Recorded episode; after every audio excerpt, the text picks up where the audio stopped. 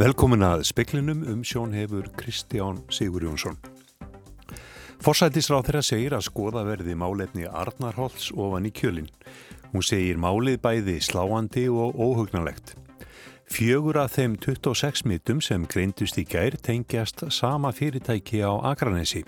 Seks starfsmenn þar hafa nú smittast. Líkur eru á að byrja verða að bólusetja gegn kórunveirinu í ríkjum Európusambansins einhver tíma á fyrstu þremur mánuðum næsta árs. Tekist var á um hverjir hefðu forgangi í bólusetningu fyrir svínaflensunni fyrir 11 árum, segir fyrfirandi sótvarnalæknir. Hann segir líklegt að sviðbæðri forgangsröðun verði beitt nú í kórónu faraldrinu. Átta hverjum tíu bandarækjumanum telja að Joe Biden hafi sigraði nýjafstöðnum forstakostningum. Donald Trump neytar að játa sig sigraða. Katrín Jakobsdóttir, forsættis ráþeira, rætti í morgun við Dag B. Eggertsson, borgarstjóra, um álefni vistheimilisins Arnarholts á Kjarlanessi. Í kjölfarum fjöldlunar um slæman aðbúna þar í fréttum rúf í gær. Katrín segir mikilvægt að máli verði skoðað ofin í kjölinn.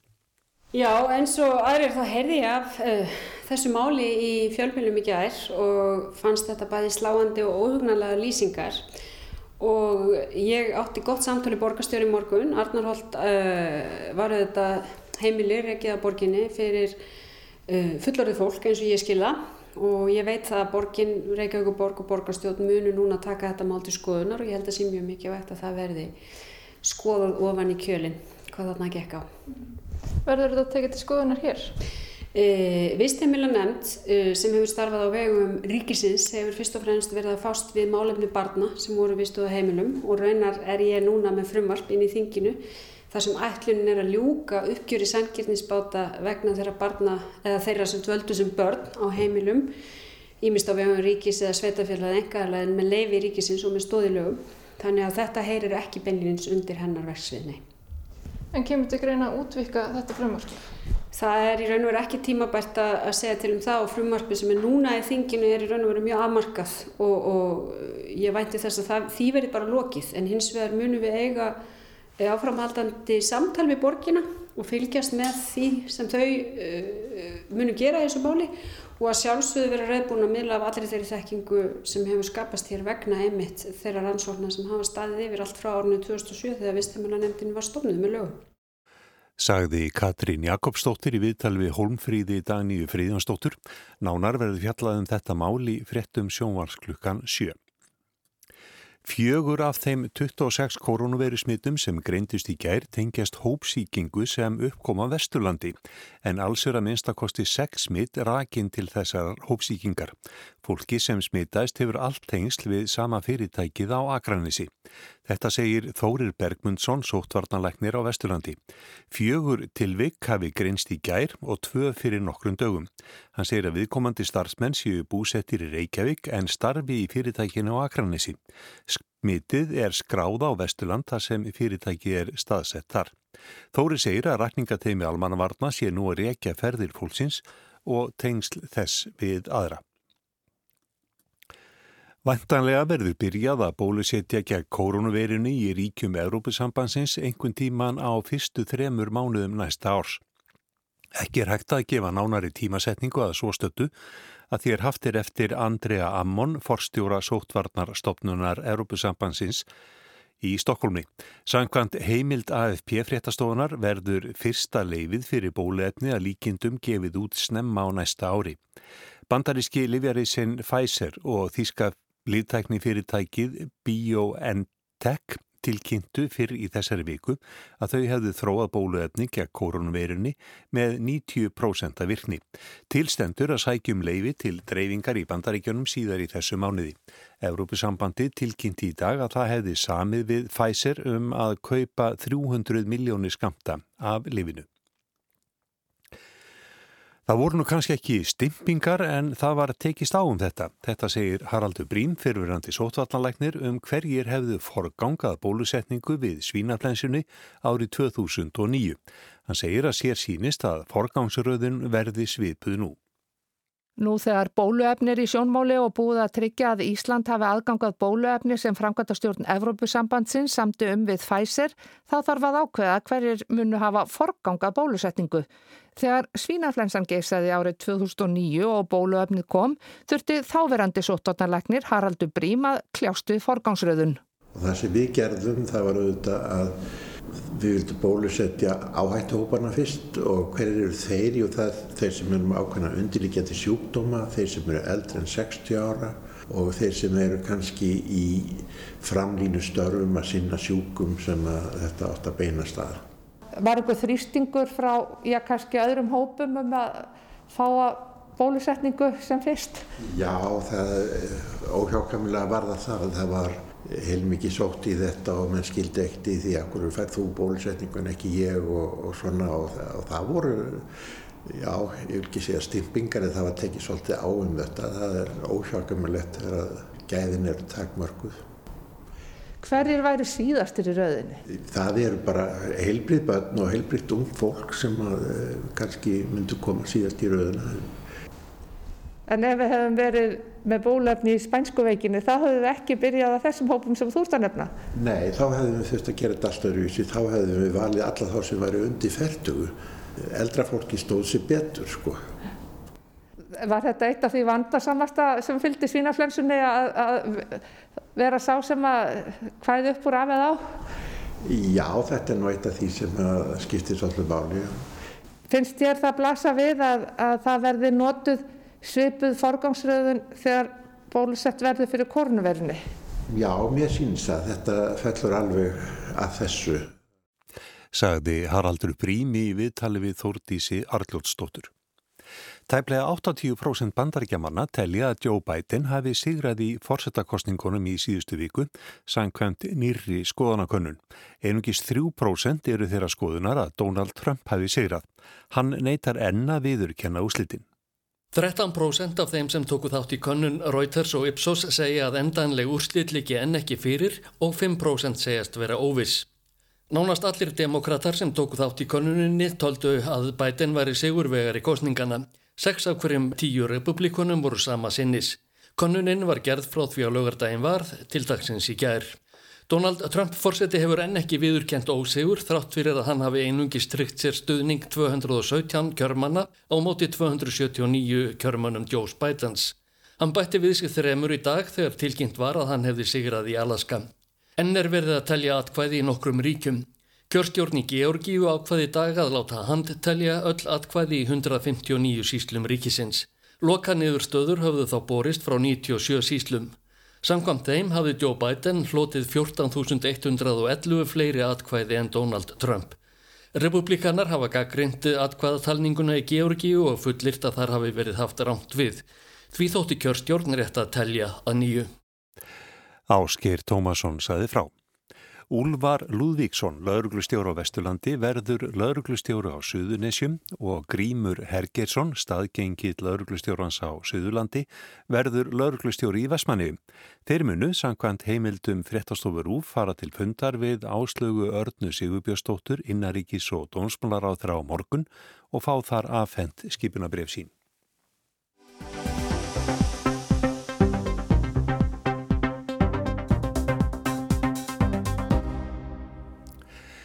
Skísla OECD, efnahags- og framfarastofnunarinnar á regluverki ferðarþjónustu og byggingar yðnaðar hér á landi, sem kynnt var í gær hefur vakið blendin við bröð hjá samtökum yðnaðarins.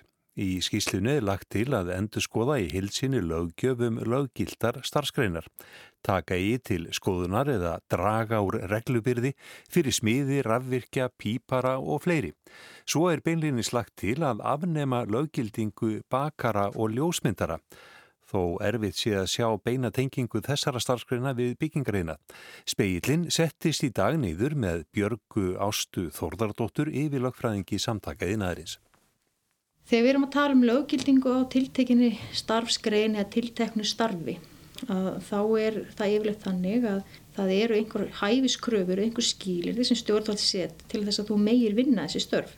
Síðan er það þannig að, að við erum kannski með aðeins vægari vernd þegar kemur að lögverndun og starfsheitum sem þýðir það til þess að með að kalla sig eitthvað að þá þurfir þú að uppfylla eitthvað tiltekinn og þá yfirlt eitthvað mentunar skilir þig og þú fær þá viðkenningu yfirlt frá stjórnböldum þess efnis að þú meir kalla þig þá hvað svo sem lögvendunum tekur til og við getum tekið sem dæmi hagfræðingar sem dæmi, það er eitt. Lögvendun og starfsgrein uh, það er auðvitað þessi löggildu starfsengreinar hérna sem er verið að fjalla um allavega að hluta til í þessari skýslu og í lögum um handina frá 1978 að þá er talað um það, það eru raunverulega þrýra aðeila sem eiga starfa við þessar greinar og selja þessa þjónustu. Fyrsta lagi er þetta sveinarnir sem hafa þá fengið útgefið sveinsbref Svo er það meistarar í greinni sem hafa þá farið hans lengra inn í námið og, og fengið útgefið meistarabref og svo er það nemar sem að raunverulega starfa þá undir handleyslu meistara og það er í grunninn þessi þrýr aðilar sem að meiga vinna af þessi störf. En er eitthvað sem hann kemur í veg fyrir að Pétur og Pál fara að mála fyrir Pétur og Pál? Sko maður myndi ætla að það væri einhvað í ljósi þess hvernig lögin eru uppsett, að það væri einhver stjórnvald, einhver eftirlitsaðili sem myndi gríp inn í, en staðan er nú þessi og það er það sem samtökuðinarins og meistarafélagin sem að er innanborsi okkur hafa gaggrínt, er að það er nefnilega akkurat ekkert sem kemur í vekk fyrir það að einstaklingar sem hafa ekki réttindi fari að vinna við þau störf sem að falla þann undir. Og það er akkurat þessi starfsókur sem var settur á laginnar á þessu ári það er það sem hann er að skoða núna? Og við fögnum því sem framkvæmum fréttatilkynningur á þeirra í, í gær að þessum starfsóp séu mitt falið að fara yfir þessa tilur og, og kom með einhverjar tilur næstu skrifum og það er vel og ég býð bara eftir að fá svona dýbri kynningu inn í þeim starfsóp á úttekt OECD hvað þetta varðar og, og fá tækifæri til þess að yfirfara þetta með þeim hóp. En finnst þér að OECD sé þarna að gera, já nánast kröfum að allir megi að gera allt? Ég myndi ekki ganga svo langt, þau auðvitað gefur ákveðna fyrirvara. Við þurfum að horfa til þess að þessar reglur eru settar og hafa verið í, í gildi af ástæði og það þarf að horfa til almanna hagsmuna og það er auðvitað bara réttakerfið okkar sem þannig byggt upp. Og ég tel að OECD sé þá bara vænti ég að leggja það til að fari sér þá ofan í hagsmunamatið sem við fagnum, bara fínt að taka það umræðu um hverja eina grein. Það sem að hins vegar kemur og óvart í þessari úttekt hjá OECD og þessari skýslu sem að svona kannski já ég verði að segja mig kannski pínu brá út af því að ég held að þetta væri ekki viðfónsefni þessara úttektar að svona með einhverjum ádræftalöðsum hætti taka tvær löggjaldar yngirinnar út fyrir svega og leggja einfallega til að lögvendinu sé afnuminn. Þannig eru sem sagt bakarar og ljósmyndarar undir. Þetta kemur á óvart að tveimur ástæð. Fyrstulega var aldrei rætt við greinina eða hagaðala um þessa tilhugur. Ólíkt öðrum atriðum í þessari skýslu. Þannig að þetta var óvæn og við auðvitað bara teljum ekki eðlilegt að koma fram í þessum hætti. Síðan er það kannski líka það að til dæmis bakara yðnin, hún er ekki bara lögvöndu á Íslandi.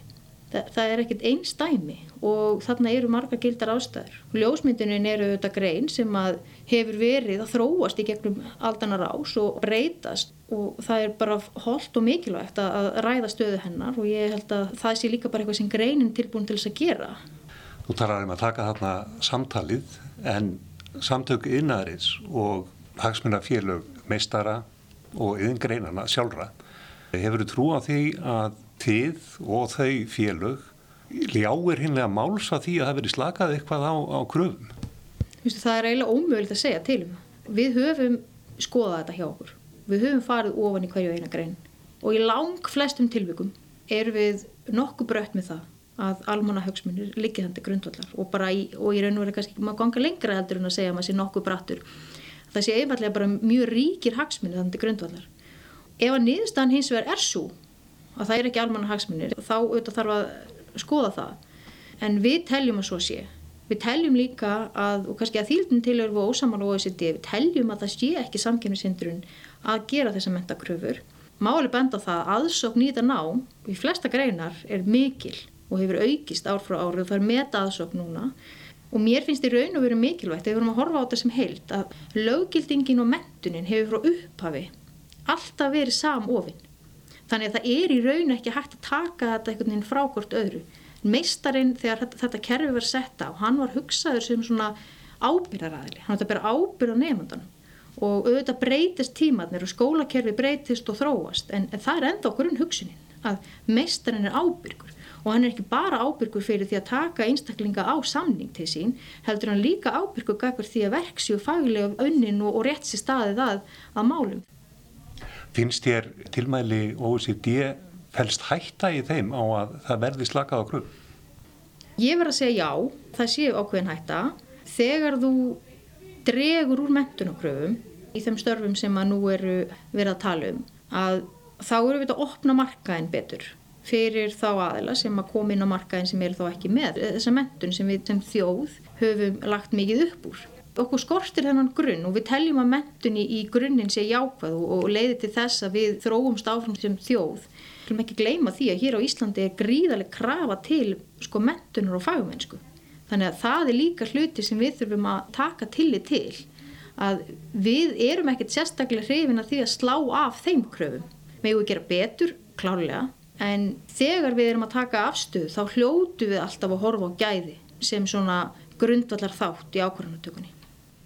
OECD segir að hverki í Evrópi eða aðeldalöndum samtakana séu ja, margar yngreinar lögvendar eins og hér á landi. Eru Íslingar þarna til fyrirmyndar eða eru þeir að flækja kerfið? Ég held að þarna þurfi að horfa eins á hverju og eina yngrin fyrir sig, hverju eina grein, þetta fallir ekki bara með yngrinar, þetta fallir um miklu meira heldur en það og heilbæriðsgreinar vænti að sé hérna undir. Ég held að markmiði sjálfu sér sé ekki að vera með fæstar lögvendar yngrinar. Við þurfum hins vegar að horfa á hverju eina grein fyrir sig og velta fyrir okkur þeim hagsmunum sem ríkja enna baki og hvaða almanna hagsmunir krefjast þessar verndar það er hins vegar þannig að auðvitað getur þessi tala að við séum og þessi viðmið að við séum hæst gefið okkur tilum til þess að fara ofan í greinarnar og velta þessu fyrir okkur og hvort að sé einhver tækifæri til þess að gera einhverja breytingar án þess og ég ítrykka án þess að gera einhverjar eh, minni kröfur um gæði og hæfni og draga úr þeirri fagmennsku sem að við teljum mikilvægt að ríki í þessum greinum en að okkar mati er það einfallega þannig að hér eru gæði og neytendavernd grundvataratri og við þurfum að horfa á breytingar sem að draga ekki úr þessum tveimur líkilþóttum. Sagði Björg Ásta Þórðardóttir yfirlagfræðingur samtaka yðnaðarins.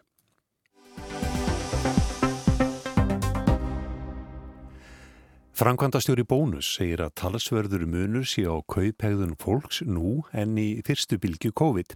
Viðskiptavinnir sé ekki lengur að hamstra klósettpapir eins og gerðist í vor. Í speklinum í gerð kom fram að eftir spurn eftir hinnum ímsu vörum hefur aukist í COVID faraldrinum.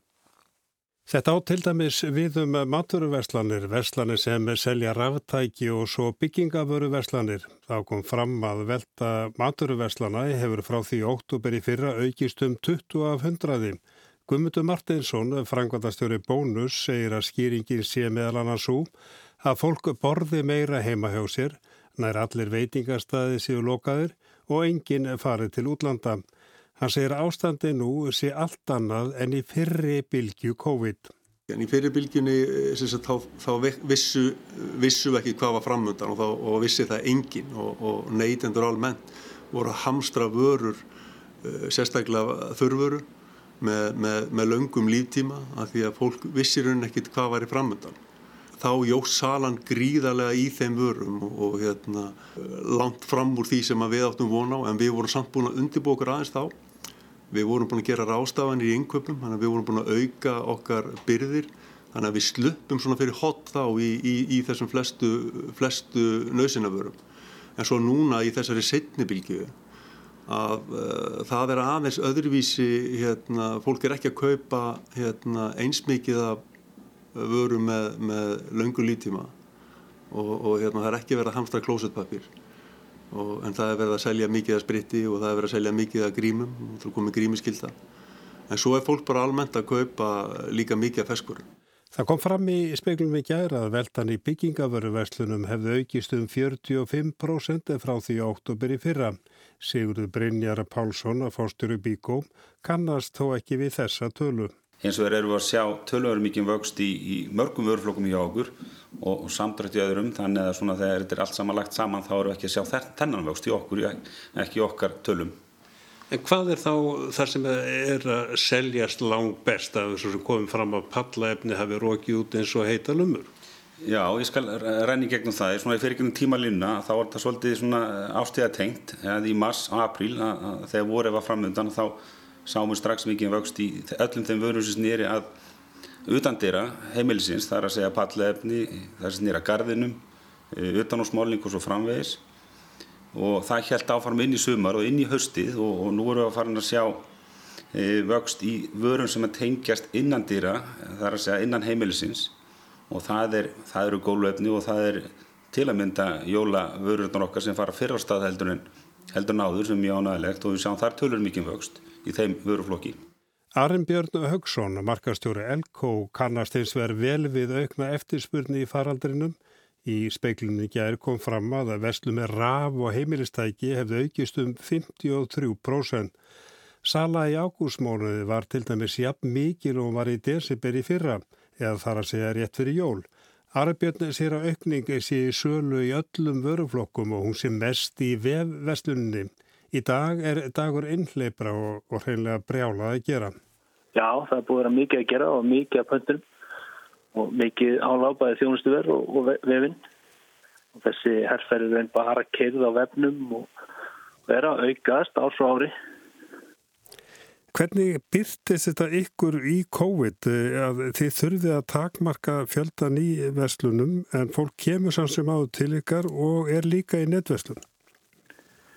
Já, við sjáum vefverslun að taka megin þoran af uh, viðskiptunum.